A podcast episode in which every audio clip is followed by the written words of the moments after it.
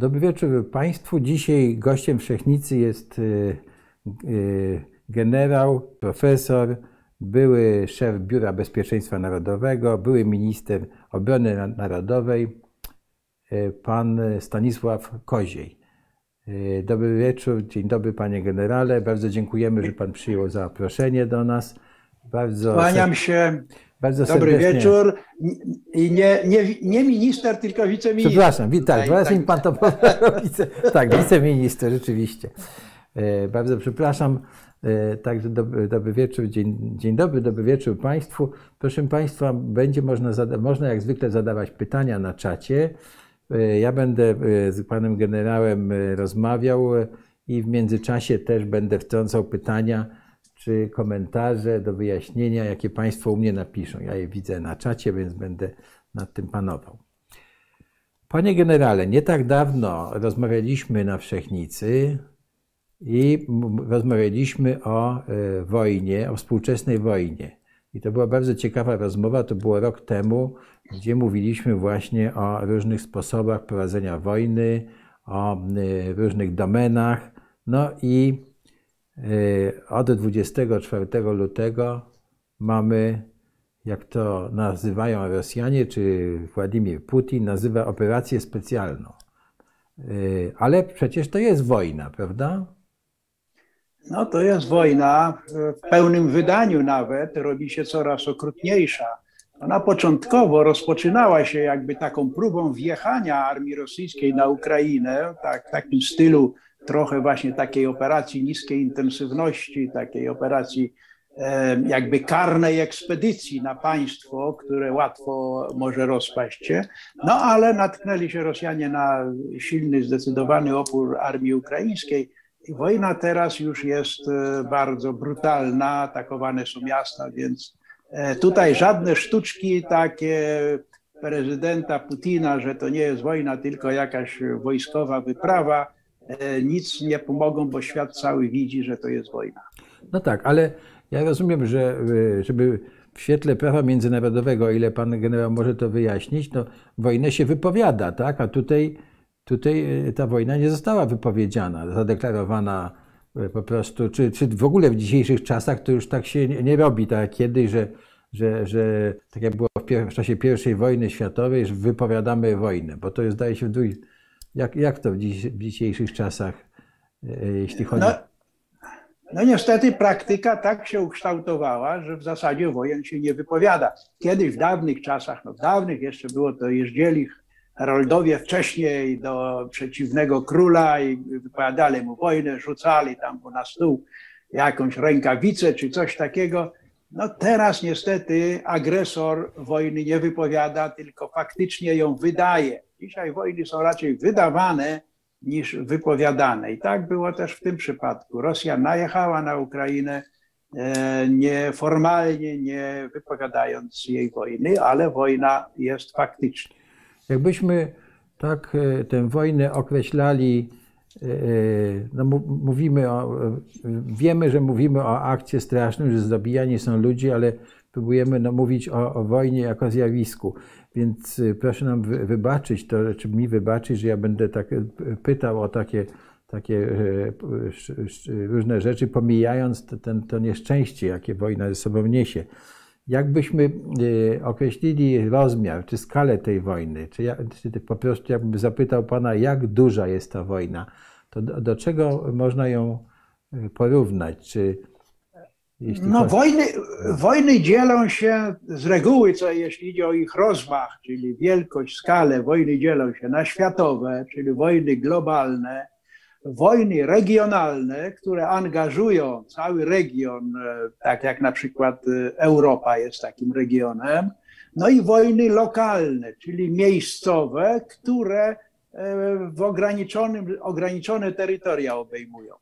Ta wojna rosyjsko-ukraińska jest póki co wojną lokalną, jest wojną między dwoma tylko państwami, czyli Rosją i Ukrainą, no aczkolwiek ma ona w sobie, jeśli można tak brzydko powiedzieć, potencjał szybkiej eskalacji w wojnę regionalną, a nawet wojnę globalną, dlatego że chociażby, że jedną ze stron w tej wojnie jest mocarstwo globalne, mocarstwo nuklearne, mające broń nuklearną, będące w konfrontacji ze światowym podmiotem e, drugim, jakim są Stany Zjednoczone i jakie jest NATO.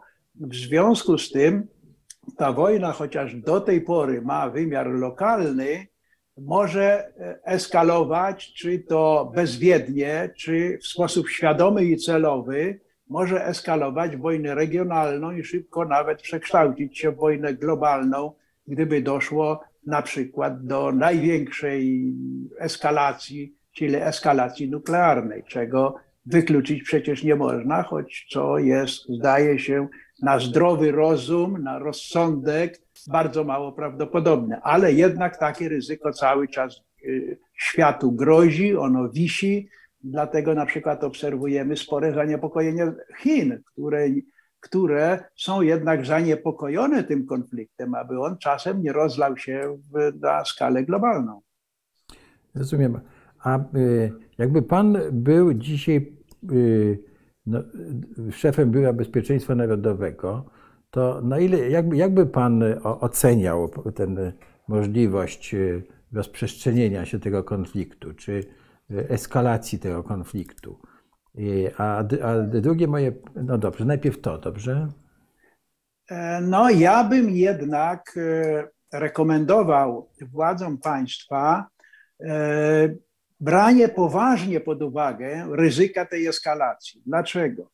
Przede wszystkim dlatego, że Rosja ma bardzo taką niebezpieczną doktrynę wojenną swoją, taką eskalacyjną doktrynę wojenną, eskalacyjnej metody prowadzenia wojny. Ona najkrócej polega na tym, że e, Rosja uważa, że gdyby prowadziła wojnę konwencjonalną i zaczęła ją przegrywać, albo za chwilę widziałaby, że za chwilę zacznie przegrywać, to jest gotowa użyć nawet taktycznej broni nuklearnej, niekoniecznie po to, aby zaatakować drugą stronę, ale dokonać wybuchu ładunku nuklearnego w powietrzu, gdzieś na morzu, w neutralnym miejscu, aby dać sygnał drugiej stronie: stop, jesteśmy na progu wojny nuklearnej, kończymy tę wojnę, e, siadamy do stołu negocjacji, E, zawieramy pokój, no ale to, co już w tej wojnie do tej pory osiągnęliśmy, no to już jest nasze. Możemy tu jakieś negocjować drobne zmiany. Więc ta doktryna, Rosjanie ją tak chytrze nawet nazywają, doktryna e, deeskalacji przez eskalację nuklearną. No tak to chytrze wygląda. Mówiąc e, jeszcze tak bardziej ogólnie, streszczając tę doktrynę, to ona mówi, że jeżeli zaczynasz przegrywać wojnę, a nie chcesz jej do końca przegrać, to ją eskaluj. To jest metoda na zakończenie przegrywanej wojny. I z tego też powodu ja uważam, że dzisiaj coraz bardziej zwiększa się ryzyko, że Rosja tę wojnę na Ukrainie, ryzyko tej zastosowania tej metody, bo Rosja coraz bardziej na Ukrainie zaczyna nie wygrywać, powiedzmy sobie na dzisiaj już tak zdecydowanie, a być może przegrywać i może się uciec do tej właśnie metody eskalacji wojny ukraińskiej poza granice Ukrainy. E, dlaczego to ryzyko dla Polski jest szczególnie ważne? Ono jest ważne dlatego, że na terytorium Polski, jak wiadomo, znajduje się ten, jak mówi się w takim żargonie, w języku strategicznym, hub pomocowy dla Ukrainy. To przez Polskę przechodzą te wszystkie linie zaopatrzenia e, Ukrainy, zarówno pomoc humanitarna, gospodarcza, ale także wojskowa. E, to w Polsce, e, na południowo-wschodniej regionach Polski znajdują się właśnie te składy, zapasy, to wszystko się tam gromadzi, tam jest przekraczana granica ukraińska i tak dalej. Więc Rosja może pokusić się o zaatakowanie tych właśnie zasobów pomocowych dla Ukrainy, zwłaszcza zasobów e, wojskowych, przy czym niekoniecznie musi to robić w sposób otwarty, w sposób taki jawny, pod sztandarami rosyjskimi. To może być, i mnie się wydaje, że to jest właśnie największe ryzyko, to może być tak, zwa, tak, zwana, tak zwane ataki podprogowe, taka wojna podprogowa, czyli poniżej progu otwartej, jawnej wojny. Dzisiaj w literaturze przywoływany jest, przywoływana jest taka nazwa ataki pod fałszywą flagą, czyli jest bojownik, dokonuje zamachu, dywersji, ale nikt się do niego nie przyznaje, że to nie jest nasz, to nie nasi, tam dywersanci, to nie wiadomo kto. Tak jak na Krymie były te zielone ludziki słynne, o których mówiliśmy, czyli żołnierze specjalsi rosyjscy bez oznakowań, bez żadnych, tylko w samych mundurach zielonych, stąd też te zielone ludziki. Dzisiaj dochodzą, dochodzi jeszcze jeden instrument, który Rosja może w tym celu wykorzystywać, które ja określiłbym czarnymi ludzikami przez analogię do tamtych zielonych, a mianowicie idzie tutaj o różne niepaństwowe organizacje wojskowe, niepaństwowe, prywatne firmy wojskowe, które na świecie są coraz powszechne, powszechniejsze, a w Rosji również głównie znana jest tak, tak, taka grupa Wagnera, czyli są to różni najemnicy, ochotnicy, którzy tam się zgłaszają dla, dla zarobku. Niby to prywatne, a w istocie wszyscy wiemy, że są one na usługach służb specjalnych Rosji i one, oni, ludzie, te grupy jakieś, właśnie tego typu komanda, mogą dokonywać różnych aktów agresji skrytej na naszym terytorium, na terytorium NATO. Nie mówiąc już o jakichś wzmożonych atakach cybernetycznych, z którymi cały czas trzeba się liczyć, czy też z wielką falą dezinformacji wprowadzającej panikę wśród ludności różnymi fałszywymi komunikatami i tak dalej. Więc ten potencjał eskalacyjny tej wojny na Ukrainę, na Ukrainie niestety jest spory, duży i my musimy go brać pod uwagę w swoich planach i przygotowaniach mhm. obronnych. Dziękuję bardzo. E, chciałem zapytać Pana w takim razie, czy to, co się w tej wojnie wydarzyło, to znaczy ten, e, już chyba mogę użyć takiego sformułowania, ta nie, nieudolność e, armii rosyjskiej, czy to Pana zaskoczyło? Tak, E, prawdę powiedziawszy, ja byłem e, zaskoczony i to bardzo poważnie sposobem rozegrania tego początkowego okresu wojny przez armię rosyjską. Z kilku powodów. Po pierwsze, Rosjanie zastosowali zupełnie, mojej ocenie, błędną koncepcję operacyjną rozpoczęcia tej wojny. Zupełnie nie zadbali o to, aby e, zaskoczyć drugą stronę jakimś wykonaniem jakiegoś zdecydowanego ataku na jednym kierunku, stworzyć jakieś duże zgrupowanie, aby szybko przełamać i wtargnąć, przełamać obronę i wtargnąć w głąb terytorium e, drugiej strony. Przeprowadzili ten atak taką metodą ataku e, kordonowego na całej, wzdłuż całej granicy rosyjsko-ukraińskiej, a także tam biało, fragmentu białorusko-ukraińskiej, rozpoczęli atak różnymi małymi siłami w każdym miejscu. No tak się mm, e, operacji nie prowadzi. Operację ofensywną, natarcie prowadzi się wybierając jakiś główny kierunek, na którym dokonuje się przełamania obrony przeciwnika i szybko rzuca się wojska głęboko na tyły w głąb terytorium zaatakowanego państwa.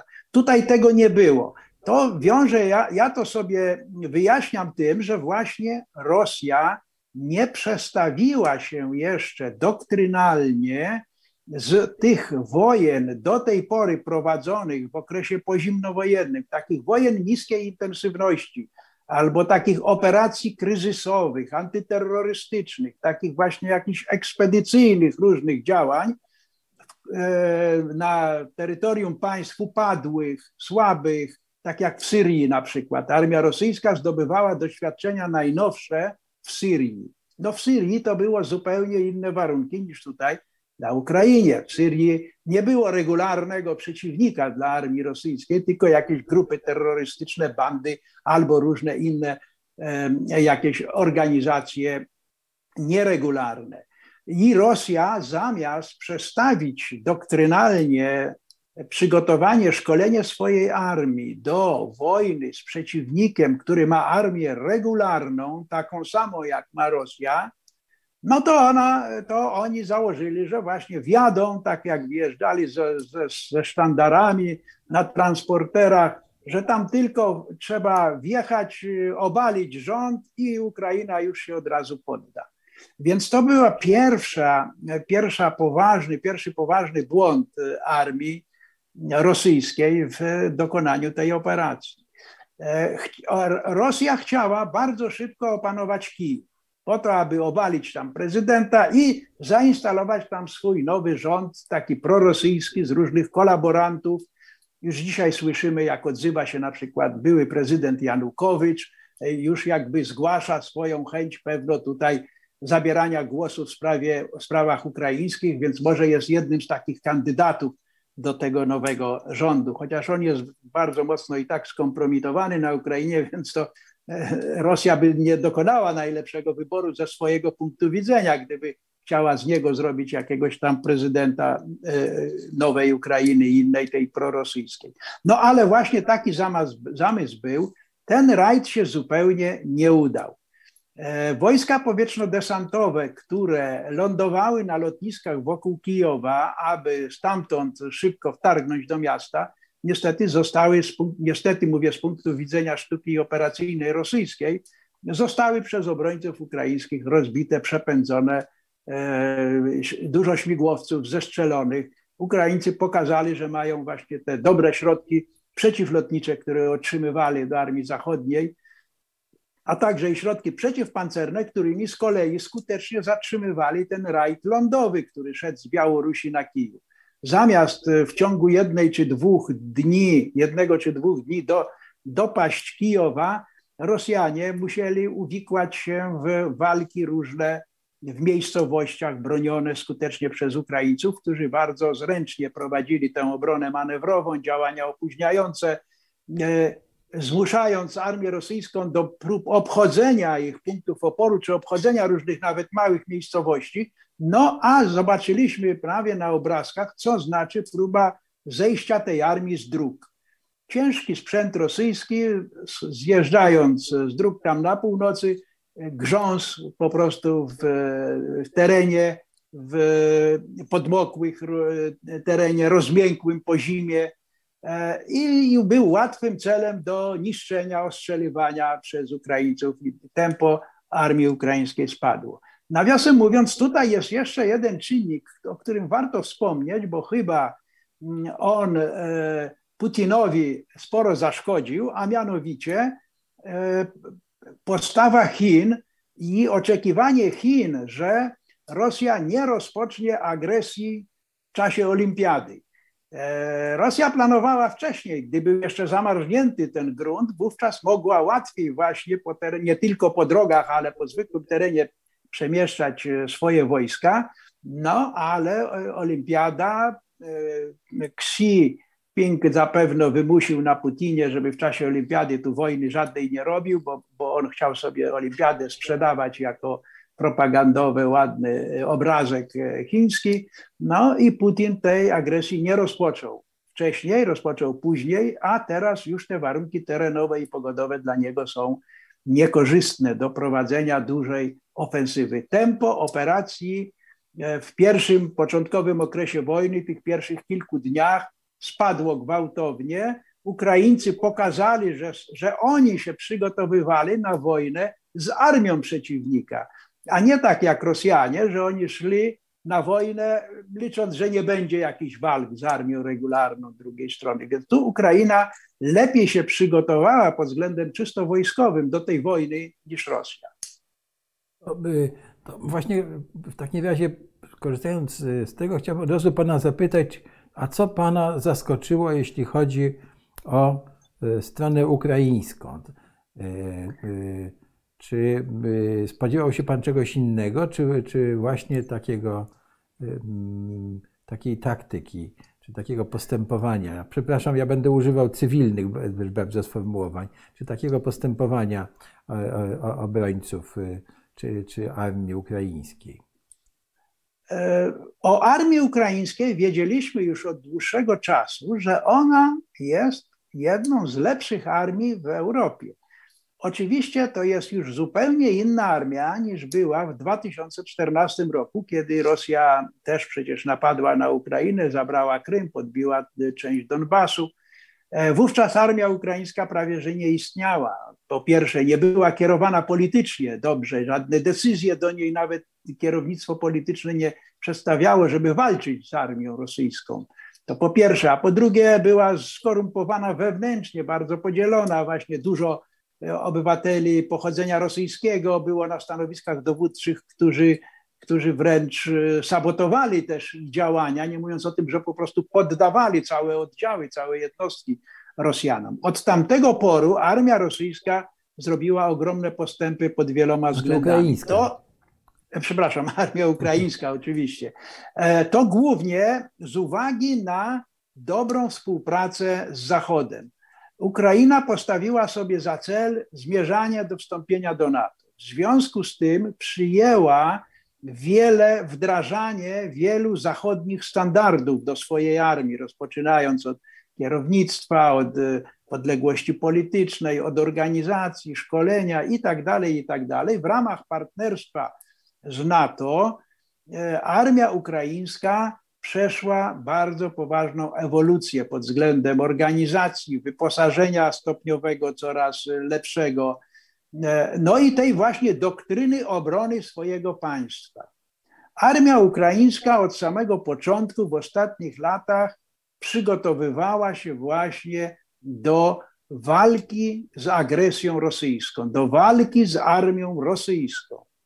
I to widać wyraźnie w tej taktyce ukraińskiej, którą, e, którą tutaj e, obserwujemy, właśnie takiego e, zręcznego prowadzenia obrony, nie dawania się, nie wdawania się w jakąś decydującą walkę, wykorzystując tę słabą koncepcję rosyjską rozproszenia natarcia, obrońca ukraiński miał dobre warunki właśnie do skutecznego prowadzenia, prowadzenia operacji obronnej.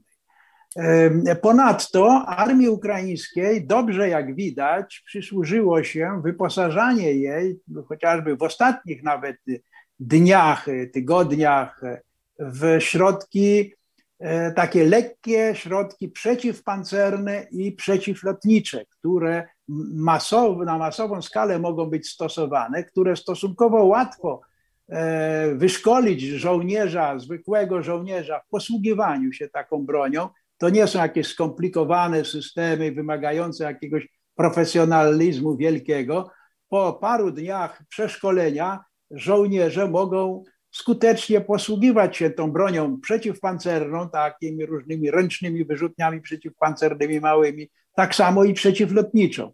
I y, to stosunkowo szybko w armii ukraińskiej zostało wprowadzone, wdrożone i okazało się skuteczne. E, dlatego myślę, że mm, armia ukraińska dobrze zdaje swój egzamin, tym bardziej, że jest jeszcze jedna ogromna różnica między tymi armiami, a mianowicie duch walki, wola walki, e, morale, ta właśnie Ukraińcy walczą w obronie swojej ojczyzny, czują ogromne wsparcie całego narodu. Cały naród ukraiński jest zdeterminowany bronić swojego państwa.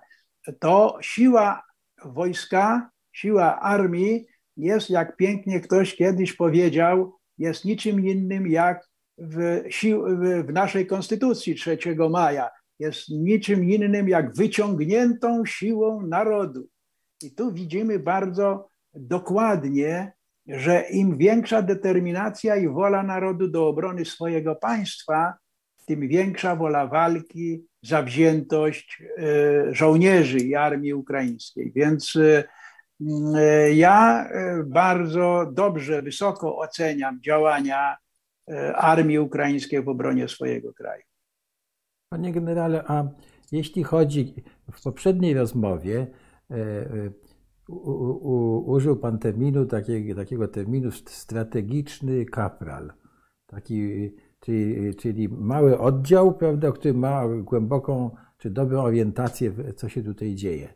Czyli ja rozumiem, że Ukraińcy też y, mają no, tych strategicznych kaprali, którzy no, doskonale się orientują, jeśli chodzi o to, o położenie, czy to cały wgląd w pole, w pole walki. Tak? I no, dzisiaj była wiadomość, że obywatele Ukrainy wskazali im na, na, na mediach społecznościowych jakieś tam oddziały rosyjskie, które zostały rozbite, ale ja rozumiem, że to jest też niezwykle ważne, ten, ten wiadomości, czy taki wzgląd w pole walki, tak?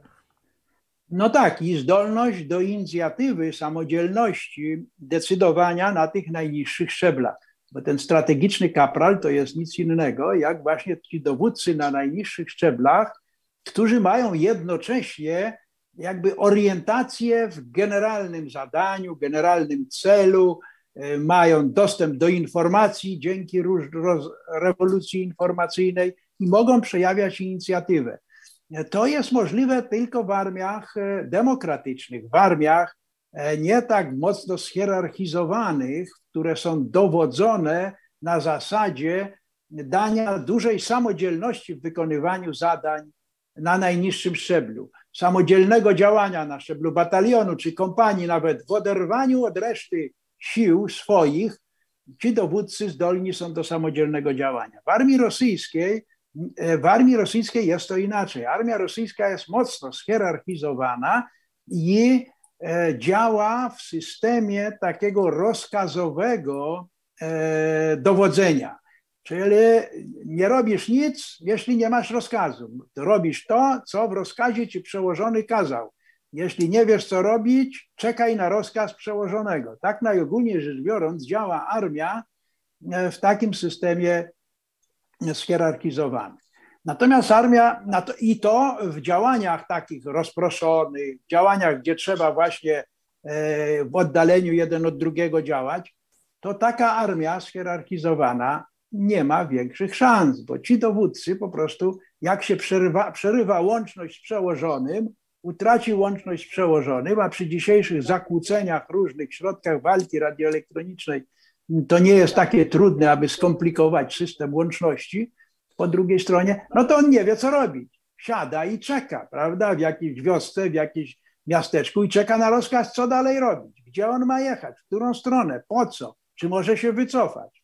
Natomiast e, armia ukraińska, właśnie działająca e, w bardziej systemie takim usamodzielnionym, ci dowódcy, oni z grubsza wiedzą, że mają po prostu bronić ojczyzny, że z tego wynika, że oni w tym obszarze, to jest ich obszar odpowiedzialności i muszą tutaj operować i, i najważniejsze, aby zwalczali przeciwnika, nieważne w którym miejscu, nieważne jakim sposobem ma, znają cel, czyli e, jest jakby takie, takie, takie dwa systemy dowodzenia. Dowodzenie przez cele, że stawia się cel, a już w jaki sposób masz ten cel osiągać, to jest Twoja sprawa.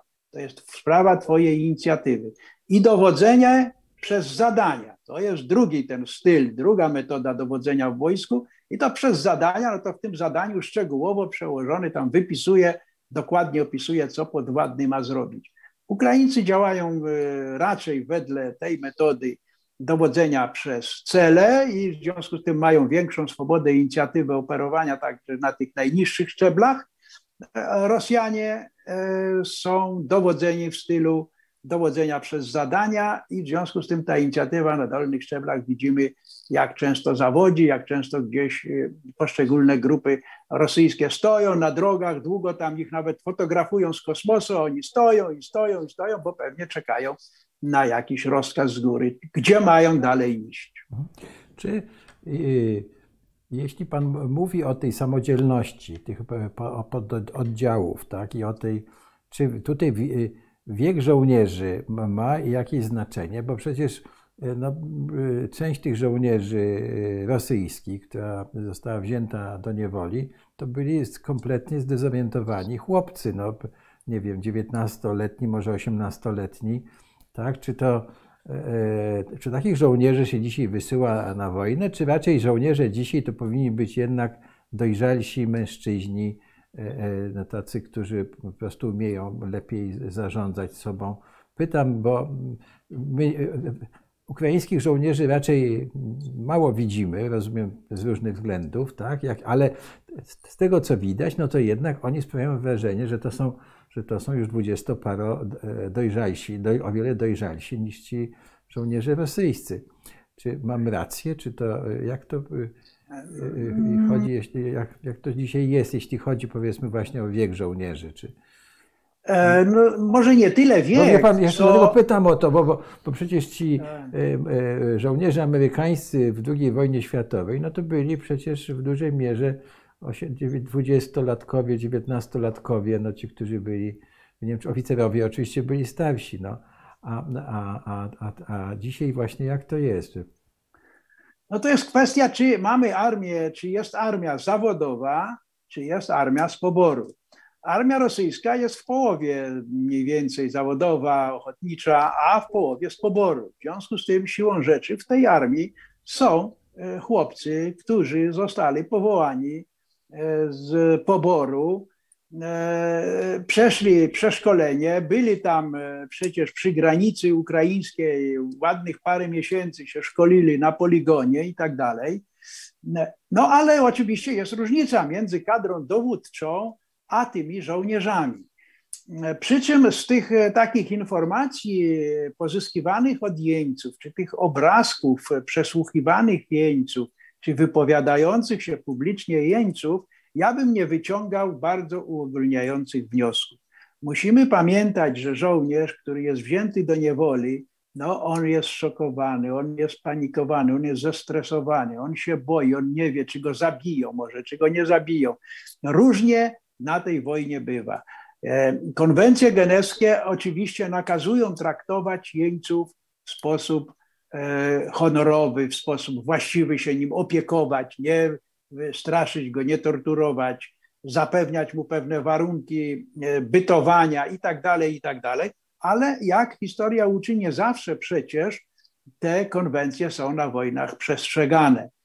W związku z tym te różne migawki rozmów, e, apeli wypowiadanych przez jeńców, e, ja bym nie brał e, pod uwagę jako w pełni, w pełni, że tak powiem, realnych, prawdziwych i tak dalej. Być może część z nich jest rzeczywiście no, taka, że ten chłopak już, już załamon by chciał, już nie chce wracać do Rosji, bo już się boi, a tam mama, rodzina i tak dalej. Ja współczuję raczej jeńcom, gdy obserwuję takie obrazki, niż analizuje na chłodno to, co ich zachowanie i to, co oni powiedzieli. Jest jeszcze druga bardzo ważna sprawa z tymi jeńcami rosyjskimi, a miano, e, Rosjanami jako jeńcami, a mianowicie bardzo przykre doświadczenia, które pewnie żyją gdzieś w pamięci Rosjan z jeńcami rosyjskimi, którzy dostali się do niewoli niemieckiej w czasie II wojny światowej. Jak oni przez reżim stalinowski byli wyklęci od wszystkiego, prawda? Jako zdrajcy ojczyzny, którzy przeszli na stronę wroga, nie wiadomo co zdradzili, co tam powiedzieli, jak się zachowywali. E, I po wojnie, jak z tych obozów jenieckich ich wywozili, E, to trafiali raczej na Sybir niż do swoich, do swoich rodzin.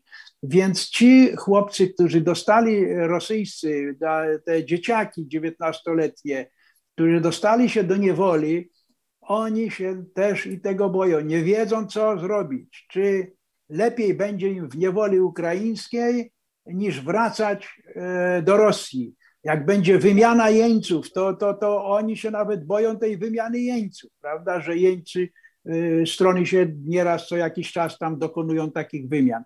To są dramaty tych żołnierzy, tym bardziej, że oni są przecież świadomi, że biorą udział w agresji, biorą udział w wojnie agresywnej. To jest zupełnie co innego niż ten obrońca ukraiński, który się broni, który wie, że bije się w słusznej sprawie, a ten żołnierz rosyjski wie, że bije, w większości pewnie wie, że bije się w sprawie niesłusznej.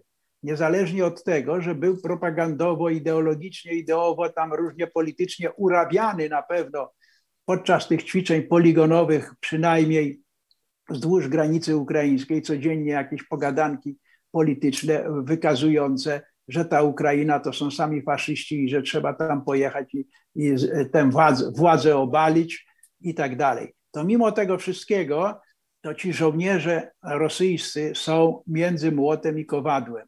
Między młotem swojej władzy politycznej, swoich przełożonych, e, wyższego szczebla dowódców e, i tego parcia ideologicznego, tej opinii także publicznej rosyjskiej, przecież urabianej, ukształtowywanej przez propagandę putinowską, tej obawy, czy ten reżim putinowski nie będzie się zachowywał tak jak reżim stalinowski w stosunku do jeńców. Więc tego wszystkiego oni się na pewno obawiają, dlatego też ich morale w ogóle tej armii rosyjskiej z tych wszystkich powodów jest nieporównywalnie słabsze niż morale armii ukraińskiej, która walczy w słusznej sprawie. No właśnie, tutaj e, Pan wspomniał o tym e, propagandzie i e, chciałbym Pana zapytać jeszcze o taki, o państwo na wojnie. Znaczy nie, nie siły wojskowe, tylko jakby Pan ocenił, czy na co by Pan zwrócił uwagę, jeśli, a nawet porównał, jeśli można, tak?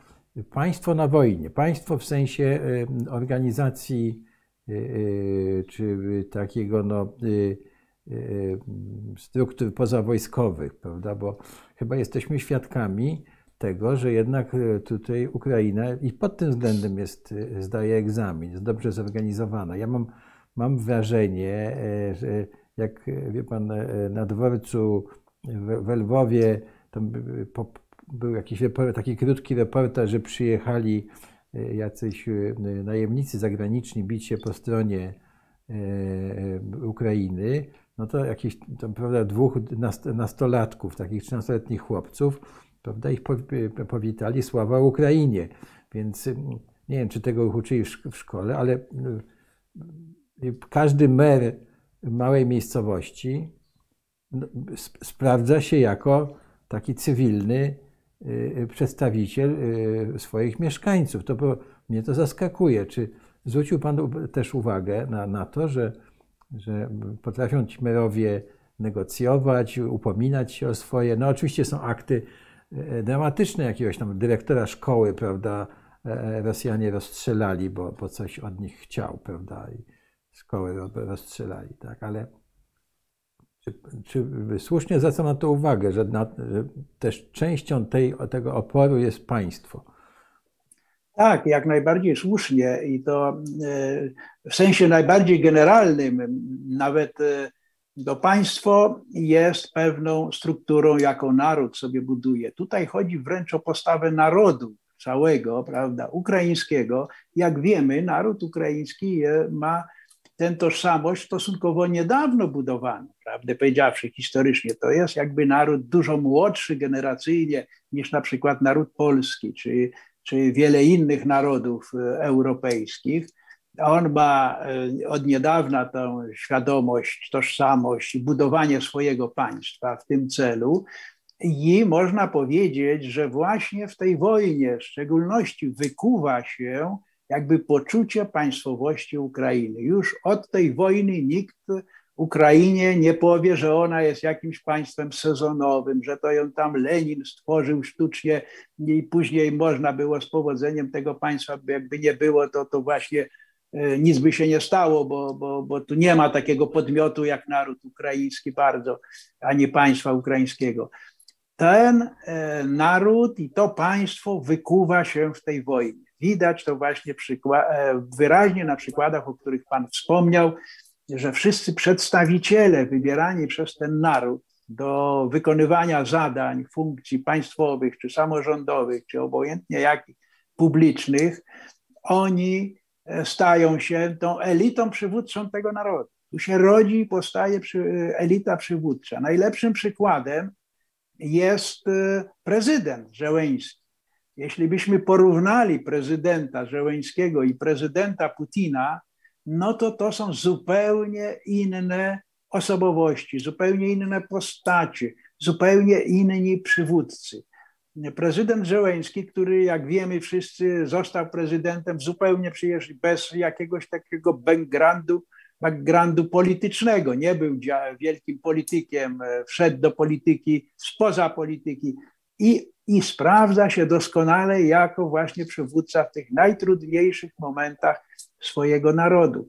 Zostaje w stolicy, nie, nie, nawet nie pomyślał, żeby ten, z tej stolicy gdzieś wyjechać w bezpieczniejsze miejsca. E, bez przerwy komunikuje się ze swoimi obywatelami, komunikaty wysyła podtrzymywające na duchu, utrzymuje kontakty z całym światem, wszystkimi przywódcami świata, organizuje, mobilizuje, jest prawdziwym przywódcą, który niespodziewanie zjawił się Ukrainie. I tak jest na wszystkich szczeblach.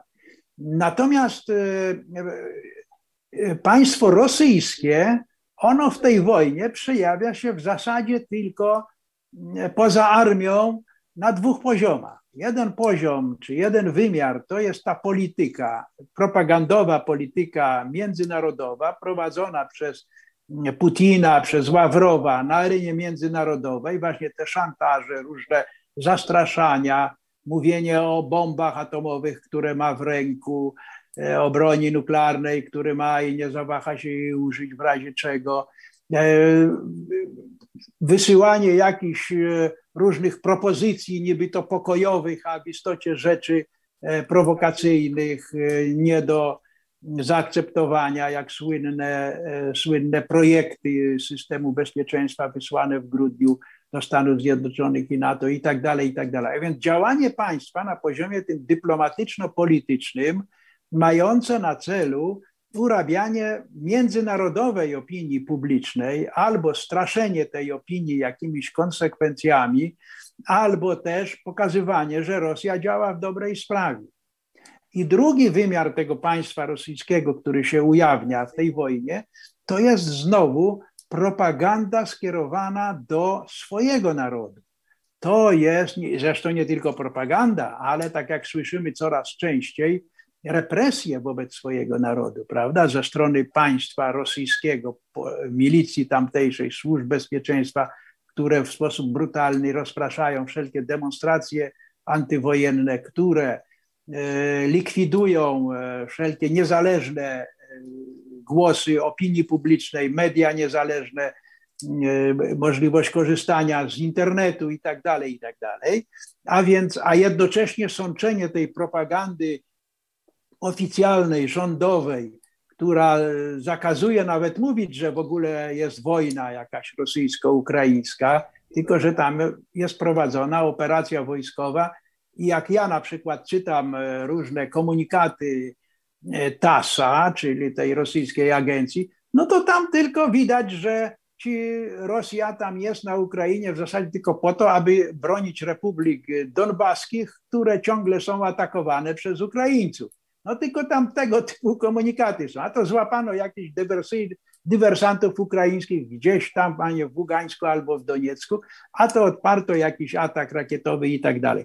Więc e, państwo e, rosyjskie w tej wojnie uczestniczy tylko tymi, tą swoją stroną represyjną, bym powiedział, represyjną wobec obywateli, represyjną wobec innego państwa w postaci sił zbrojnych, i tą taką presją e, polityczno-dyplomatyczną na zewnątrz. Natomiast państwo ukraińskie jest całe na wojnie z wszystkimi swoimi strukturami. E, to, to wynika z tego, że to jest wojna obronna. Wojna obronna z natury rzeczy jest wojną powszechną, jest wojną prowadzoną przez e, wszystkie struktury państwa, nie tylko przez jego siły zbrojne. Czy Mógłby Pan e, wyjaśnić nam tę kwestię, jeśli chodzi o e, polskie myśliwce, o MIGI-29? No jest jasne, że żadne samoloty nie mogą startować z Polski, lecieć nad, nad Ukrainę i tam prowadzić jakieś akcje bojowe, no bo to jest jasne, ale no, odnoszę takie wrażenie, jakby w tej chwili był taki lekki nacisk na Polskę, żeby te samoloty y, przekazać, tak? I, i, y, i co pan o tym sądzi? Mm, znaczy, znaczy... No są, są jakby dwie strony tego problemu. Jedna strona to jest, to jest oczekiwanie Ukraińców, aby otrzymać jak najwięcej różnorodnych środków bojowych.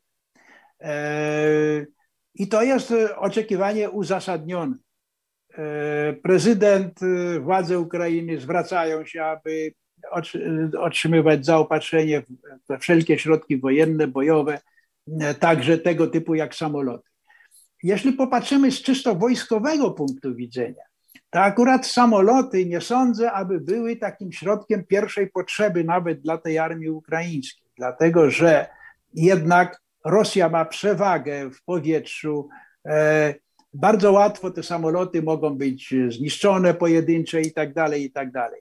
Zapewne zamiast jednego samolotu, gdyby parę wagonów amunicji było na Ukrainę dostarczone, a, a parę wagonów jakichś środków przeciwpancernych czy przeciwlotniczych, to by się bardziej armii ukraińskiej przydało. No ale Ukraina to je potrzebuje, te samoloty rzeczywiście mogłyby się przydać zapewne na przykład do kontrolowania, pilnowania nieba nad zachodnią częścią Ukrainy, e, tędy, gdzie dochodzi ten E, cały transport i zaopatrzenie dla Ukrainy i dla armii ukraińskiej e, od polskiej granicy w głąb Ukrainy. Więc pilnowanie tej, tej przynajmniej kawałka przestrzeni powietrznej przez myśliwce miałoby jak najbardziej sens. Skoro Zachód nie chce utworzyć tej strefy wolnej od lotów strefy powietrznej.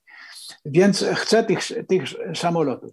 E, oczywiście nie może dostać samolotów jakiejś innej produkcji niż takiej, takiej samej, jakie mają e, Ukraińcy, piloci ukraińscy, którzy potrafią obsługiwać i latać na takich samolotach. W związku z tym, jeśli Ukraina miałaby dostać samoloty od Zachodu, to w sposób oczywisty to są tylko te, tak jak nasze migi, które my mamy, Bułgarzy mają tam gdzieś chyba jeszcze na Słowacji są one więc tego typu samoloty mogą być dostarczone. Moja opinia jest taka, że jeżeli, jeżeli e, byśmy mieli dać te samoloty Ukrainie, to ja uważam, że teoretycznie rzecz biorąc, nie widzę tu żadnych przeciwwskazań, czy to jest samolot, czy to, czy to są jakieś rakiety przeciwlotnicze, czy przeciwpancerne, to jest niewielka różnica i to jest środek wojenny i to.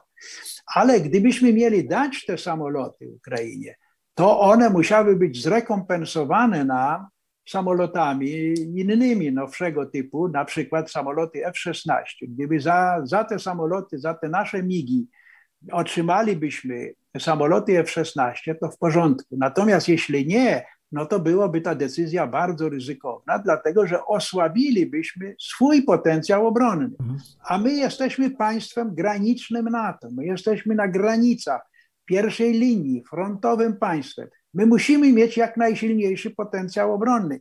Nie może kosztem naszego potencjału obronnego być wzmacniana za bardzo Ukraina, a nie kosztem innych państw, które gdzieś są tam w głębi NATO, prawda?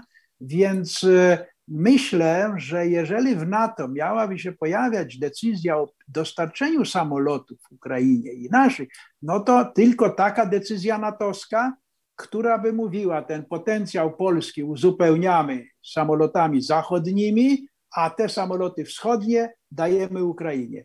E, takie coś uważam jest jak najbardziej zasadne i można by było się na to zdecydować. Panie generale, jak patrzymy na zdjęcia e, satelitarne, no to widzimy tą ogromną, długą kolumnę pojazdów, która stoi. Tak? I po co ona tam stoi? Czy to jest jakiś, jest jakiś cel w tym, czy. Yy, no bo no to, to, to jest tak, to że je... jak stoi, to jest narażona przecież też na, na, na atak. No a, a z drugiej strony, yy, czy oni nie mają paliwa? Czy jak się, jak się. Ja wiem, że czołg to spala, potrafi spalić tonę paliwa yy, prawda, na 100 kilometrów, czy nawet na godzinę, prawda? Więc to są ogromne E, potrzeby. Te, e, czy, czy oni, im to zabrakło tej benzyny, czy... E, no to jest najprawdopodobniej kolumna logistyczna. To jest przede wszystkim kolumna właśnie z samochodami, z paliwem, z amunicją, z zapasami żywności. Tego wszystkiego, czego wojsko potrzebuje, to co wojsko zużywa w bitwach, musi być uzupełniane. I w związku z tym to jest najprawdopodobniej kolumna właśnie z tego typu pojazdami, z tego typu zasobami logistycznymi. I ona e, po pierwsze powinna się rozdzielić na jakieś mniejsze kolumny, do, rozjechać się jakby do tych różnych jednostek rozrzuconych na całym tym froncie północnym, który poszedł z Białorusi i z Rosji tutaj z kierunku wschodniego. Różnymi porcjami, różnymi tam kolumnami samochodów e, po kilkanaście czy kilkadziesiąt powinny się rozjechać do tych e, oddziałów e, i one na pewno się tak rozjeżdżają. Z tej kolumny co jakiś czas ubywa jakaś kolumna, jedzie gdzieś zaopatrzenie. Natomiast na wojnie, takiej normalnej, jak przywykliśmy, tego typu zapasy amunicji powinny znajdować się na, nie na kolumnie, nie na drodze, nie w kolumnie, tylko w jakimś rejonie zeszrodkowania, prawda? Rejon tyłowy armii, czy tyły dywizji, takie, gdzie stoją te samochody różnie rozśrodkowane i w odpowiednim czasie e, udają się do tych jednostek bojowych, czy do tych jednostek, które wychodzą z walki i odtwarzają swoją zdolność bojową. Żołnierze muszą odpocząć, paliwo trzeba uzupełnić, amunicję należy uzupełnić, remont jakichś sprzętów wykonać i tak dalej. Tutaj Rosjanie mają ten problem, po pierwsze, że zjechaniem z tych dróg, o czym tu wspominaliśmy wcześniej, one nie mogą swobodnie przemieszczać się po terenie takim dowolnym, ani po jakichś drogach takich polnych, mniejszych, bo tam po prostu by grzęzły. Więc dla Rosji na pewno bezpiecznie jest nawet trzymać tę kolumnę i ją osłaniać silnie z powietrza, aby ona nie była zaatakowana przez e, samoloty, czy śmigłowce, czy drony, bronić przed tym i w, w ten sposób rozsyłać te kolumny mniejsze do jednostek, które odtwarzają zdolność bojową. A ponieważ ten front też e, idzie bardzo powoli, ten front północny, okrążanie Kijowa idzie bardzo powoli także Ukraińcom, to i ta kolumna nie ma gdzie. No gdzie ona się ruszy do przodu? Najlepiej jak stoi tam, gdzie stoi, prawda? Więc to jest pewno ta zagadka, dlaczego widzimy tę kolumnę e, rosyjską, która jest najprawdopodobniej właśnie ty, tyłami frontu, te, tego całego frontu, gdzie e, znajdują się zapasy potrzebne do odtwarzania zdolności jednostek pierwszoliniowych, które, które walczą. Mhm. Y, jak pan y, uważa, y, jak, czy to oblężenie Kijowa prawda, będzie długo trwało, czy, czy to jest łatwa rzecz? No bo mamy takie przykłady groźnego na przykład, tak? gdzie, gdzie, gdzie Rosjanie no, weszli nieuważnie. Czy, czy w ogóle można dzisiaj takie miasto zdobyć? No oczywiście można je zburzyć, zrównać z ziemią, co prawdopodobnie, jak widzimy, Rosjanie e, coraz bardziej przyjmują taką taktykę, że zburzymy wszystko, bo po prostu nie, mocarstwo nie może, nie może przegrać, tak? Ale, ale czy, czy to w ogóle jest zdobycie takiego miasta, miasta możliwe? Jak, jak długo może trwać opór przeciwko temu, tak? No bo Zdobywanie miast jest, jak historia sztuki wojennej pokazuje, jest jednym z najtrudniejszych zadań operacyjnych i taktycznych stojących przed siłami zbrojnymi. E, w miastach obrońca ma bardzo dobre warunki do skutecznej obrony, do skutecznego zwalczania nawet dużo silniejszego przeciwnika, a w tym w szczególności niszczenia ciężkiego sprzętu, czołgów, e, artylerii ciężkiej i tak dalej. Pojedynczy żołnierz z granatnikiem gdzieś na jakim piętrze schowany e, może swoim jednym strzałem zniszczyć natychmiast czołg, który pojawi się na jakiejś ulicy. Dlatego do szturmu miasta trzeba się specjalnie przygotować. E, dla zdobywania miasta trzeba tworzyć tak zwane, to się tak nazywa, grupy szturmowe, czyli takie mieszane oddziały. Czołg, jakiś transporter opancerzony, e, jakiś moździerz, e, paru strzelców wyborowych Jednym słowem, to nie może, armia regularna nie może tak sobie wjechać na miasto i go próbować zdobyć. Tak zrobili Rosjanie na wojnie czeczeńskiej, kiedy wje, chcieli wjechać y, pułkami pancernymi do Groznego i gdzie ponieśli ogromne straty od Czeczeńców, którzy tam właśnie rozstrzelali te całe oddziały pancerne w walkach miejskich. Więc Rosjanie teraz są, prawdę powiedziawszy, przed ogromnym dylematem, ponieważ nie udało im się zdobyć tego miasta z marszu, uchwycić z zaskoczenia, właśnie wejść do środka tymi pododdziałami desantowymi, e, zlikwidować e, obrońców, którzy tam byli na samym początku, jeszcze na początku wojny. To im się nie udało. No i teraz mają ogromny dylemat. Co zrobić z Kijowem? Czy właśnie próbować go zdobyć takim masowym szturmem tej armii, która okrąża Kijów, czy też jednak może tylko go okrążyć, blokować jakimiś tam niewielkimi siłami, odciąć go od świata zewnętrznego i bombardować, i bombardować, i niszczyć ogniowo, i wysyłać tam grupy dywersyjne, które by spróbowały e, zlikwidować władze polityczne, prezydenta, zlikwidować, uchwycić, dokonywać dywersji od środka i tak dalej. Nawiasem mówiąc, e, sam jestem ciekaw, na jaką koncepcję Rosja się w końcu zdecyduje, bo jeśli ona by chciała zdobywać szturmem masowym e, Kijów, to z każdym dniem to będzie trudniejsze.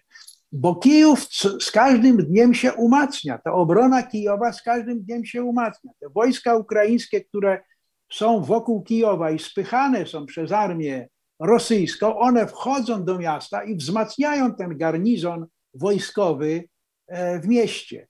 Każdy dzień to jest wzmocnienie przygotowania do obrony e, miasta, stworzenie barykad w różnych kluczowych miejscach, organizowanie zasadzek, rozmieszczanie żołnierzy właśnie tych przeciwpancerną bronią, strzelców wyborowych i tak dalej do skutecznej obrony.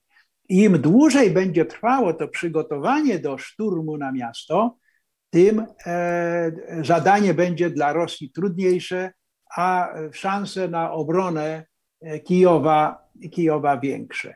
E, no, Rosjanie muszą to, co powiedziałem na początku, jeszcze zorganizować te grupy szturmowe. Już jak podejdą te wojska pod miasto, zamkną to okrążenie, to muszą stworzyć odpowiednie grupy szturmowe w tych swoich dywizjach które, i brygadach, które będą to miasto atakować.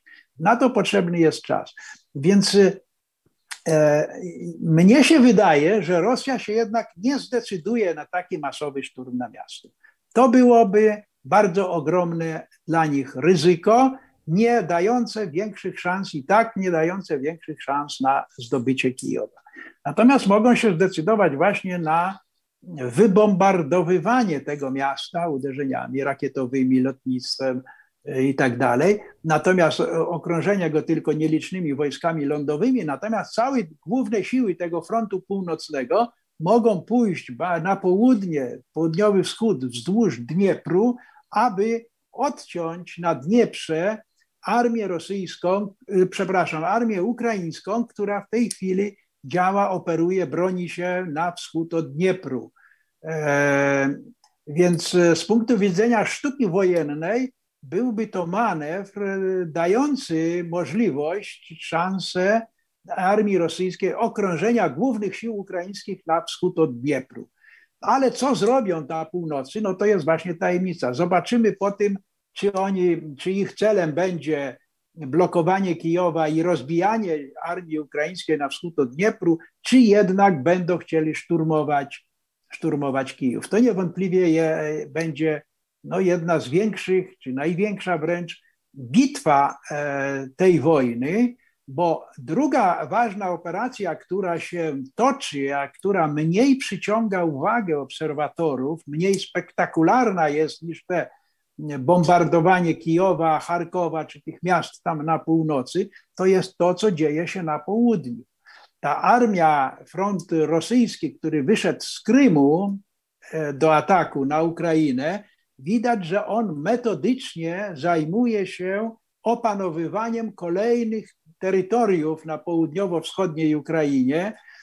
wywalczenia, mm, połączenia tego pomostu donbasko-krymskiego, łączącego Krym drogą lądową z Donbasem i z Rosją, E, I zapewne tam będziemy widzieli tę właśnie próbę okupacji tej, tego, tej części terytorium Ukrainy, aby po wojnie Rosja utrzymała także i tę część, jako tam znowu jakąś kolejną, być może e, samozwańczą republikę, która tam się raptem ogłosi, po to, aby mieć, e, odciąć Ukrainę od Morza Czarnego zupełnie i Y, połączyć Krym z macierzą, prawda, drogą lądową.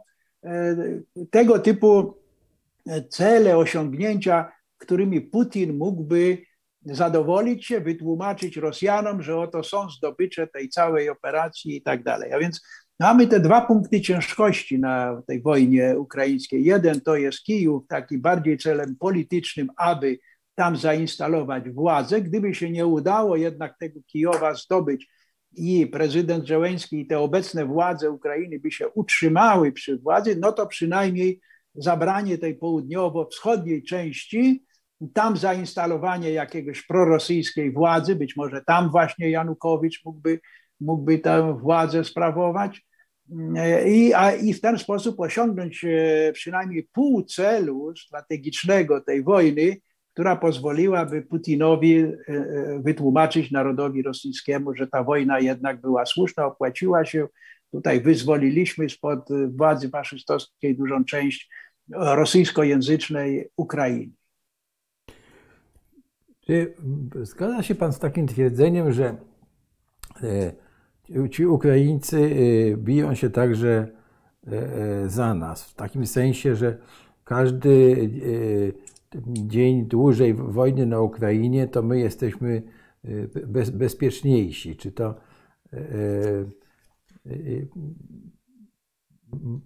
rozumiem w sensie wojskowym przede wszystkim, no ale i politycznym też. Czy mógłby Pan to skomentować? Jak najbardziej to, co się dzieje dzisiaj na Ukrainie, ta wojna rosyjsko-ukraińska, ona przesądzi na wiele lat, na wiele lat E, system bezpieczeństwa w Europie, ten ład bezpieczeństwa w Europie. Bo w zależności od tego, jak ta wojna się rozstrzygnie, świat będzie bardziej bezpieczny lub mniej bezpieczny. Jeżeli Ukraina utrzyma się jako niezależne państwo, jeżeli nie da się podbić Rosji, wówczas Rosja będzie miała dużo trudniejsze warunki do kolejnej eskalacyjnej konfrontacji z Zachodem, kolejnej jakby kroku w realizacji tej swojej imperialnej polityki, którą Putin rozpoczął e, wraz z przyjściem do władzy, który ogłosił w 2007 roku na takiej słynnej konferencji bezpieczeństwa i którą konsekwentnie realizuje poprzez wojnę z Gruzją, pierwszą wojnę z Ukrainą, tę drugą wojnę z Ukrainą i tak dalej. Gdyby Rosja podbiła Ukrainę, no to wówczas wyszłaby już całym frontem europejskim na e, bezpośrednią styczność z NATO, z nami. Na my znaleźlibyśmy się nie tylko wycinkowo, tak jak do tej pory, częścią północno-wschodnią na styku z Rosją, ale na całej swojej wschodniej granicy. Nasze zagrożenia naszego bezpieczeństwa by wyraźnie wzrosły. Więc e, dopóki Putin nie podbije całej Ukrainy, dotąd e, ryzyko jego agresji na państwa NATO, czy na te kraje bałtyckie, czy także na Polskę, jest, e, nie jest duże, tak to bym powiedział. Ono istnieje, ale jest stosunkowo niewielkie, dlatego że niezależna Ukraina, współpracująca z Zachodem, e, no jest bardzo ważnym hamulcem tej, tego pędu rosyjskiego na zachód, tego wywalczenia sobie takiej szarej strefy bezpieczeństwa w swoim otoczeniu. Zauważmy, że praktycznie już teraz e, Rosja wchłonęła Białoruś. Już Białoruś jako niepodległe, niezależne, suwerenne państwo tak naprawdę nie istnieje. Ono już jest zupełnie sterowane przez, przez Rosję. Jeżeli w ten sam sposób Rosja by opanowała Ukrainę, no to wówczas byłoby ogromne ryzyko, że na fali tego powodzenia tej polityki właśnie imperialnej, jaką Putin prowadzi, gotów byłby sięgnąć po jakieś kolejne działania, aby zdezorganizować NATO, aby podzielić Unię Europejską, aby skompromitować zachodni system bezpieczeństwa. A jak mógłby to zrobić? No na przykład zabierając kawałek terytorium natowskiego, włączając do Rosji czy to kawałek Estonii, Łotwy, a może jakiś taki właśnie korytarz tutaj z Białorusi do Kaliningradu przez nasze terytorium części i Litwy i tak dalej. Tego typu zakusy Putina byłyby ogromne, gdyby zwycięsko zakończył wojnę ukraińską. Dlatego od, od tego, jak Ukraina będzie się broniła, jak skutecznie będzie się broniła i czy się obroni, to wszystko jest w naszym najżywotniejszym interesie. Polski w pierwszej kolejności, bo jesteśmy na pierwszej linii, i całego systemu europejskiego bezpieczeństwa. Bo niepodległa Ukraina, niezależna Ukraina, państwo suwerenne ukraińskie, e, im mocniej powiązane z Zachodem, tym większa gwarancja że Rosja będzie mniej skłonna do podejmowania jakiejś, prowadzenia jakiejś ryzykownej, konfrontacyjnej polityki na poziomie wojskowym, także z Zachodem. Więc e, rzeczywiście dzisiaj Ukraina walczy także za nas, dlatego tak ważne jest jej jak najmocniejsze wspieranie. Ja mówię w, w tym kontekście, o czym mówił pan generał teraz, ja sobie pozwolę przypomnieć o tym, prawda, że w grudniu zeszłego roku e, Federacja Rosyjska przedłożyła dwa dokumenty, które były takim szantażem. Tak? Jeden dokument to był umowa czy pakt pomiędzy Stanami Zjednoczonymi a Rosją, no a drugi to był pakt między Rosją a państwami NATO. I przeczytam tutaj artykuł e, czwarty i bym prosił pana generała o, o wyjaśnienie, co by to dla nas oznaczało, dobrze? Artykuł czwarty tego porozumienia, one są dostępne w internecie, więc każdy może, może sobie przeczytać. E, Federacja Rosyjska i wszyscy uczestnicy, którzy 27 maja 1997 roku byli członkami Organizacji Traktatu Północnoatlantyckiego, nie rozmieszczają swoich sił zbrojnych i broni na terytorium wszystkich innych państw europejskich, oprócz sił stacjonujących na tym terenie według stanu na 27 maja 1997 roku. W wyjątkowych przypadkach, dobrze, dalej nie będę czytał, tak? ale to było takie żądanie i co ono oznaczało dla, dla, Polski między innymi, bo w tym kontekście pan e, mówi, że Putin może ten dokument znowu położyć, jak wygra, tak? I powiedzieć, znowu wracamy do tych żądań. Co to oznacza dla Polski to żądanie? No to by, e, to by oznaczało nic innego, jak powrót do stanu, zanim my wstąpiliśmy do NATO. 97 rok, to przypomnijmy sobie, my jeszcze nie byliśmy w NATO, my dopiero chcieliśmy wstąpić do NATO. Rosja chce, aby NATO wróciło do swojego starego NATO jeszcze przed przyjęciem tych nowych państw członkowskich, w tym Polski. W praktyce musiałoby to oznaczać, że wszystkie w tej chwili wojska natowskie, które znajdują się na terytorium Polski i innych krajów, zresztą tutaj krajów bałtyckich czy Rumunii i tak dalej, musiałyby wrócić do swoich krajów, czyli Polska powinna pozostać bez żadnych sił sojuszniczych na naszym terytorium, bez żadnej infrastruktury obronnej, wojskowej itd. Tak itd. Tak no to jest, to jest próba cofnięcia historii do 97 roku, a więc y, o ćwierć wieku. No i rozumiem, że to jest też, może się znowu pojawić na stole, bo to, bo to były fakty, które zostały zdecydowanie odrzucone przez, y, przez Zachód. Tak jest. Panie generale, y, jakie wnioski, gdyby pan był, znalazł się w takiej sytuacji, powiedzieli, przyszli do pana i powiedzieli, proszę, panie generale, zapraszamy pana do y, y, takiej komisji, która będzie się zajmowała teraz tym zakupem broni dla, dla Polski, tak? I, i przy, przeorganizowaniem armii. To, co by pan tam powiedział y, biorąc pod uwagę doświadczenia tej wojny, jakiej jesteśmy świadkami. I drugie mam pytanie już takie wprost.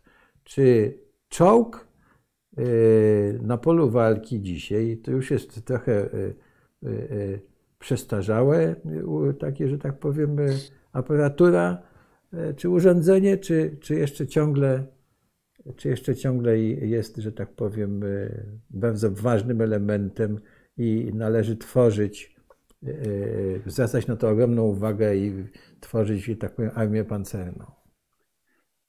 No przede wszystkim te doświadczenia, jak zresztą nie tylko tej wojny, ale różnych innych ostatnich konfliktów, pokazują wyraźnie, że armia musi rozwijać się systemowo. Nie może bazować na jednym tylko rodzaju uzbrojenia.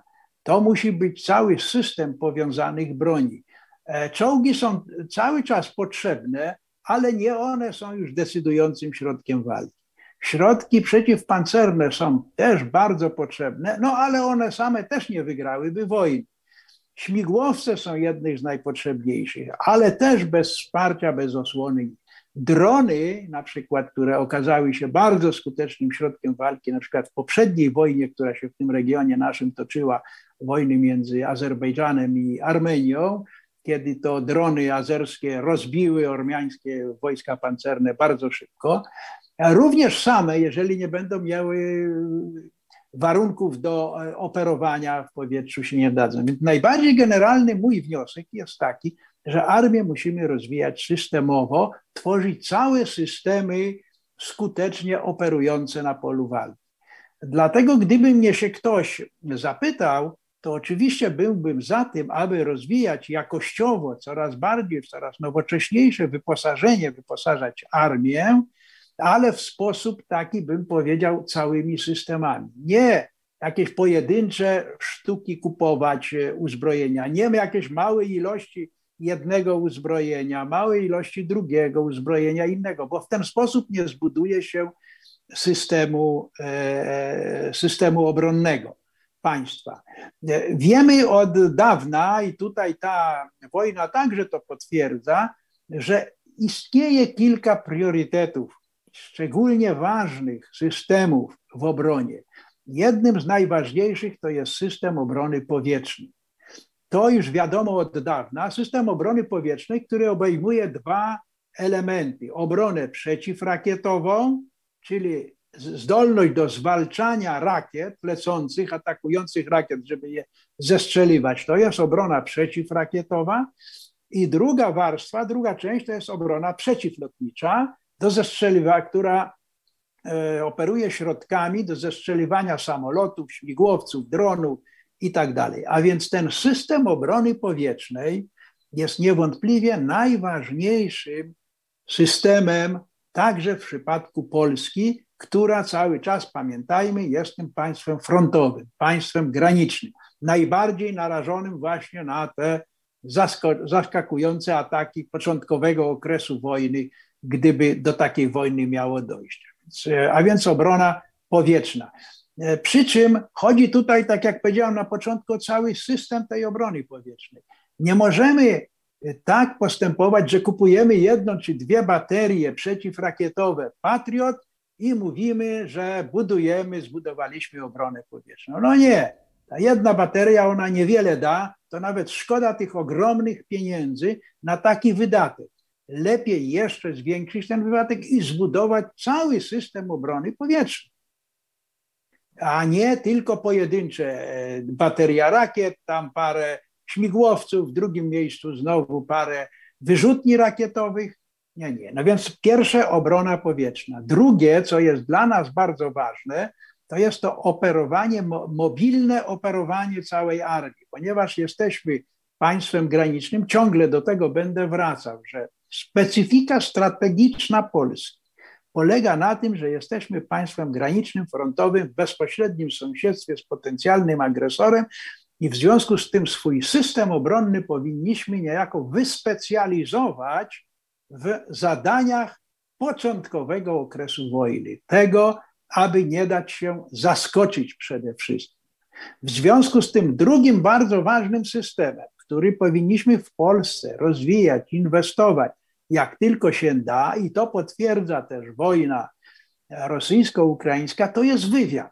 To jest to, aby wiedzieć jak najwcześniej, jak najwięcej o tym, co robi przeciwnik, Bucz na tej podstawie oceniać, co on zaplanował, do czego się przygotowuje, jakie mogą być jego wrogie zamiary wokół nas, czym dysponuje, jaka jest wyszkolona jego armia i tak dalej, i tak dalej.